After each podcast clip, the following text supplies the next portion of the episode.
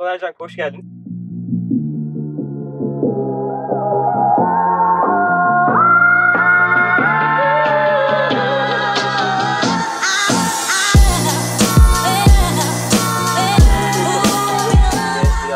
Bitcoin meselesi. Bir- Biraz da hani şu an Türkiye'de de böyle ufak ufak startupların denediği bir konu. Tabii Şimdi- regülasyon tarafı olan bir iş olduğu için e, hani nasıl bakıyorsun onu merak ediyorum. Şimdi blockchain bir teknoloji. Evet. Çok popüler lafıyla e, internetten sonraki en önemli teknoloji. Onu ben karar veremem. Ona tarih karar versin. Ama blockchain aslında bir nevi demokratik bir veri tabanı üzerine kurulu, e, güven üzerine kurulu bir e, teknoloji. Bitcoin aslında benim çok kullanmadığım bir tanım. Çünkü Bitcoin şu anda uluslararası arenada 400'e yakın kripto currency'lerden en bilineni, Evet, evet. en meşhuru. Dolayısıyla Bitcoin dendiği zaman akla da iyi bir şey gelmiyor bu arada. Hep Evet. böyle e, efendim yasa Adı, dışı adı işler kötü, falan. kötü, kötü. Onun için gelin Bitcoin'i şimdilik bir dolaba koyalım. Diyelim ki kripto para Currency. birimleri diyelim. Ee, Şimdi önce blockchain'i bence iyi adreslememiz lazım. Blockchain teknoloji olarak dikkatle incelenmesi gereken bir teknoloji. Ve aynı Linux'ta olduğu gibi blockchain'in de aslında bir blockchain tanımı yok. Her teknoloji akımının farklı blockchain tanımları ve özellikleri var. Dolayısıyla bence burada eğer ortam böyleyse nasıl Linux çıktığında 4-5 farklı akımla çıktı. Evet. Bence tüm blockchain akımları izlemeye değer. Kim ne yapıyor, ne koyuyor, neyi çıkarıyor, yenilikler ne? Blockchain'i buraya koyalım. Onun üzerine kripto currency'ler blockchain üzerinde yapılabilecek işlerden bir tanesi. Evet, en doğru. kolayı olduğu için tabii o konuşuldu. Ee, kripto currency işi yapılabilir, yapılmayabilir. Başka iş modelleri, e, daha moda tabiriyle use case'ler, kullanım Çıkabilir. alanları çıkabilir. Ama sonuçta e, kripto para birimleri bu e, teknolojinin üzerine en uyumlu işlerden bir tanesi. Lakin bütün bunları söyledikten sonra şunu söyleyeyim. Bu konularda benim verdiğim bilgiler e, üzerine verebilecek o kadar çok derya deniz bilgi var. Ama hiçbir bilgi seviyesi de şu anda olgunlaşmış, kesinleşmiş, net değil. Yani bugün e, USB teknolojisiyle ilgili, efendim Bluetooth teknolojisiyle ilgili belli spesifikasyonlar, versiyonlar bahsedebiliriz ama ne kripto currency'lerde ne e, blockchain üzerinde böyle standartlaşmış evrensel bir e, standart yok. E, üzerinde sağlanmış bir Tek konsensus. doğru da yok daha. Yok, evet. Ama bunu öğrenmemiz için de e, radarlarımızı açıp aynı bir bilim insanı titizliğinde e, merakla incelemek lazım. Gelişen bir teknoloji yani. Gelişen bir teknoloji. O açıdan da ben şunu söylüyorum. Her ne kadar ben bunları söylesem de bu konuda en az şey bilen kişi benim olmalıyım ki yarın yeni bir şeyler öğrenmek için hevesim olsun. Yoksa ben bu işi biliyorum, izleyicilere anlatırım arkadaşlar dersem en büyük hatayı yaparım. Hatta izleyicilerimizin arasında eminim bizden daha çok bilgili Mutlaka. olanlar vardır. Belki de bu konuşmayı izleyip daha çok bilgili olmak için e, hırslanacak ve karar alacaklar olacaktır. İnşallah. Bu bizi daha çok mutlu eder. Kesinlikle. Okey. Türkiye'deki fintech girişimcilere önerilerin nelerdir? Şimdi Türkiye'de ekosistem çok genişti. Yani Serkan'ın tabloyu ilk o yuvarlak halini, elips haline baktığım haliyle Evet. Şu anki böyle e, kutulara bölünmüş girişimleri böyle gördükçe çok heyecan verici, inanılmaz hızlı bir yani çok şirket açılıyor. Çok dikey var, Çok çok, konu, konu. var. Yani trend bir konu ve ihtiyaç da var. Yani evet, çok aynen. e, fırsatın olduğu bir e, dikey aslında. Aslında genel olarak girişimcilik Türkiye için yeniden tarifi yapılması gereken bir şey olduğunu düşünüyorum. Hı. Bizim ülkemizde girişimcilik deyince sokaktaki insana soralım. Herkes en yakında bir köfteci açmayı, bir büfe açmayı girişimcilik olarak tanımlıyor. Şimdi o açıdan Serkan'ın literatüre kazandırdığı çok güzel bir iş var. Dijital girişimcilik kavramını Hı. kazandırdı. Serkan'ı ilk 2013 yılında ben tanıdığımda internette e, bedava dağıttığı bir kitabı vardı. Dijital Girişimcilik 101. Doğru. Ve Serkan'ı anlamak için uzun süre çaba gösterdim. Serkan sen böyle bir emek verip bunu yazdıysan niye bedava dağıtıyorsun? Ondan sonra niye bunu basmıyorsun? Basıp niye paralı satmıyorsun? Ee, Serkan'ı anladığım zaman zaten ben dijital girişimciliği anlamıştım. Ee, bence sizleri de e, o sayede anlamış oldum. İşte o gün kravatları çıkardım, elbiseleri değiştirdiğim, kelimelerimi değiştirdiğim, cümlelerimi farklı kurduğum bir yapıya geçtim. Çünkü dijital kültürün parçası aslında her şeyin bir karşılığı yok. Biraz paylaşım var. Paylaşım ekonomisi lafı boşuna doğmamış. Evet. Dijital kültürün içerisinde paylaşım var. Eminim siz de bu çalışmayı sonuçta e, başarılı kariyerlerinizin içerisinde bir yerlerde topluma faydalı bir Kesinlikle. paylaşım yapmak için Kesinlikle. yapıyorsunuz. Tek amacımız o. Bravo. E, dolayısıyla bu da e, işlerimizin bu kadar işimizin arasında bugün buraya gelip bir şey bilgi üretmeye çabalıyorsak bu da onu gösteriyor. Dolayısıyla girişimcilik çok kutsal bir iş ve yeniden tanımlanmalı dediğim bu nedenle dijital girişimcilik yeniden tanımlanmalı. Girişimcilik artık eski bildiğimiz e, girişimcilik değil. Dolayısıyla bu dijital girişimciliğin tanımını yaptıktan sonra ilişkiler, e, iş ortaklıkları, paydaşlar, e, efendim e, ve tüm yetenekler de o anlamda gözden geçirilmeli. Bunlar benim için açıkçası çok önemli olduğundan dolayı böyle bu kadar e, hı. altını çizerek söylüyorum.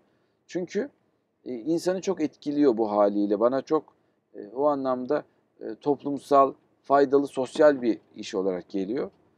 E, açık söyleyeyim ben dijital girişimciliği çözdüğüm anda ikinci bir şok yaşadım. Sosyal girişimciler dediler. Evet. Ya bu sosyal girişimciler ne yapar dedim. Bunlar hiç para pire amacı olmayan, evet topluma faydalı girişimcilik yapan, dijital girişimcilik yapan gençler. Ya öyle bir insan mı olur dedim. Demeseydim ilk sosyal girişimcilerle tanıştım. Yuvarların kurucuları Emre ve Erdi. Uzun süre çocuklara inanamadım. Yani nasıl diyorum sizin eğitiminizde, sizin yaşınızda iki genç hiçbir beklentisi olmaksızın sosyal, dijital girişimci olur. Şimdi onları tanıdım tabii. Artık ikincisini de, üçüncüsünü de biliyorum sosyal girişimcilerin. Ve hepsine çok saygı duyuyorum. Yani dijital girişimcileri çok seviyorum ama sosyal girişimcilere ayrı saygı duyuyorum. Bunları şunun için anlattım.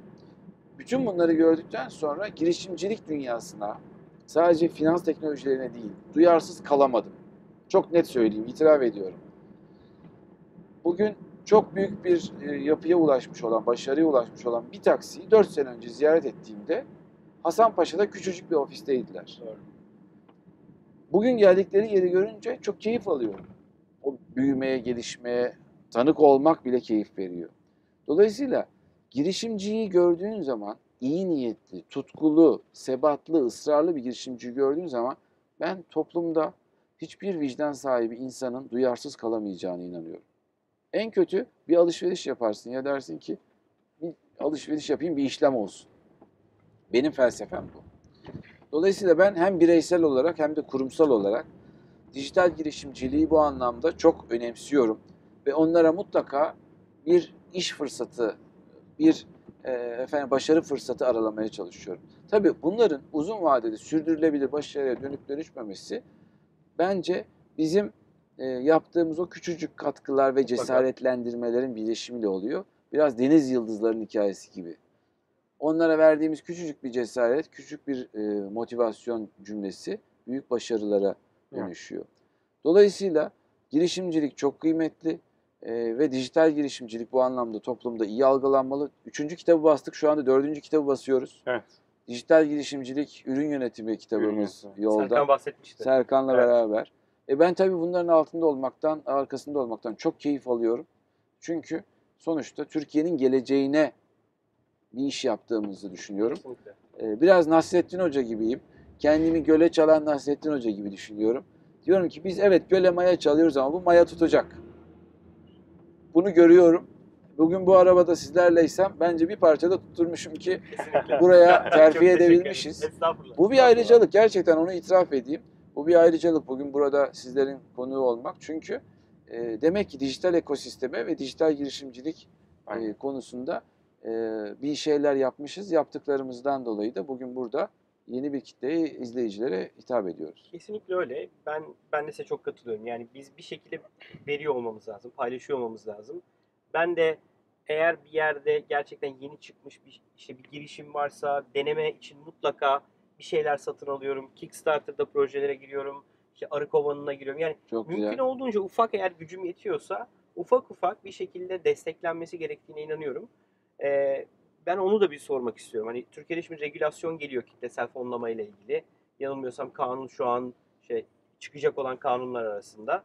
E, hiç ilgilenme şansınız oldu mu o konuyu? Ucundan bir Evet. baktım. Yani bence Türkiye'de çok önemli işlerden bir tanesi de o olacak. Çünkü dijital girişimcilik yaygınlaşıyor evet. Ee, kimisi bunlar deli mi diye bakıyor. Kimisi gerçekten Türkiye'nin geleceği olduğunu inanıyor bizler gibi. Ee, o yüzden hani bu tarz e, kamunun desteği bence kişisel görüşüm. e, geçmiş yıllara baktığımızda inanılmaz bir şey var. Fırsat var şu an Türkiye'de. E, biz mesela FIT tarafında geçtiğimiz 1-2 yıla kadar hiç ne TÜBİTAK teşviği ne bir başka bir şey hiçbir şey kullanmamıştık. Resmen bize döve döve artık siz ARGE merkezi olmalısınız. Artık ARGE projelerine yer almalısınız. 50 kişi 60 mühendis sürekli yazılım yazıyorsunuz. Yaptığınız bu iş ARGE'dir. E, dünyada bunun adı ARGE. Siz bu işi böyle yapmalısınız diye. E, ABN tarafı herkes döve döve bize öğrettiler. Hani o taraftaki görüşünü de merak ediyorum biraz. E, açıkçası bu konuda kamu teşvikleri var. Daha da artmalı bence. E, kamu da aslında buradaki e, enerjiyi fark etmiş durumda. Çünkü çok yetenekli bir insan kitlesi burada efendim ve Türkiye'nin bence gelecekte diğer ülkelere karşı üstünlüğünü sağlayabilecek fırsat da burada.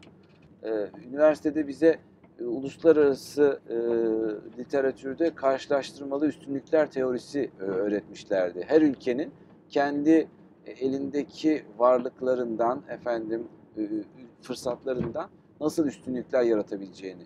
O anlamda dijital girişimcilik Türkiye için öyle bir fırsat. Gerçekten. Yani bizim zaten genetik olarak kodlarımızda olan girişimciliği dijitalle, teknolojiyle birleştirdiğimiz zaman yapabileceğimiz şeylere inanıyoruz. Yani ben Türk gençlerini bazen e, şaşıyorum yani kendilerine güvenleri. Fazla güven de gösteren oluyor gerçi ama olsun. Yani o da güzel bir şey.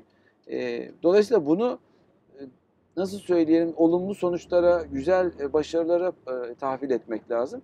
Kamu desteğinin artmasında fayda var. Ama bize de düşen görev var. Ben böyle oturalım akşama kadar şikayet edelim, Hayır, kamudan gerek haber bekleyelim diye bir şey düşünmüyorum. E, bize de düşen e, nasıl sen kendi kişisel şeylerini söyledin, e, çabalarını e, kitlesel fonlara ve diğer konularda.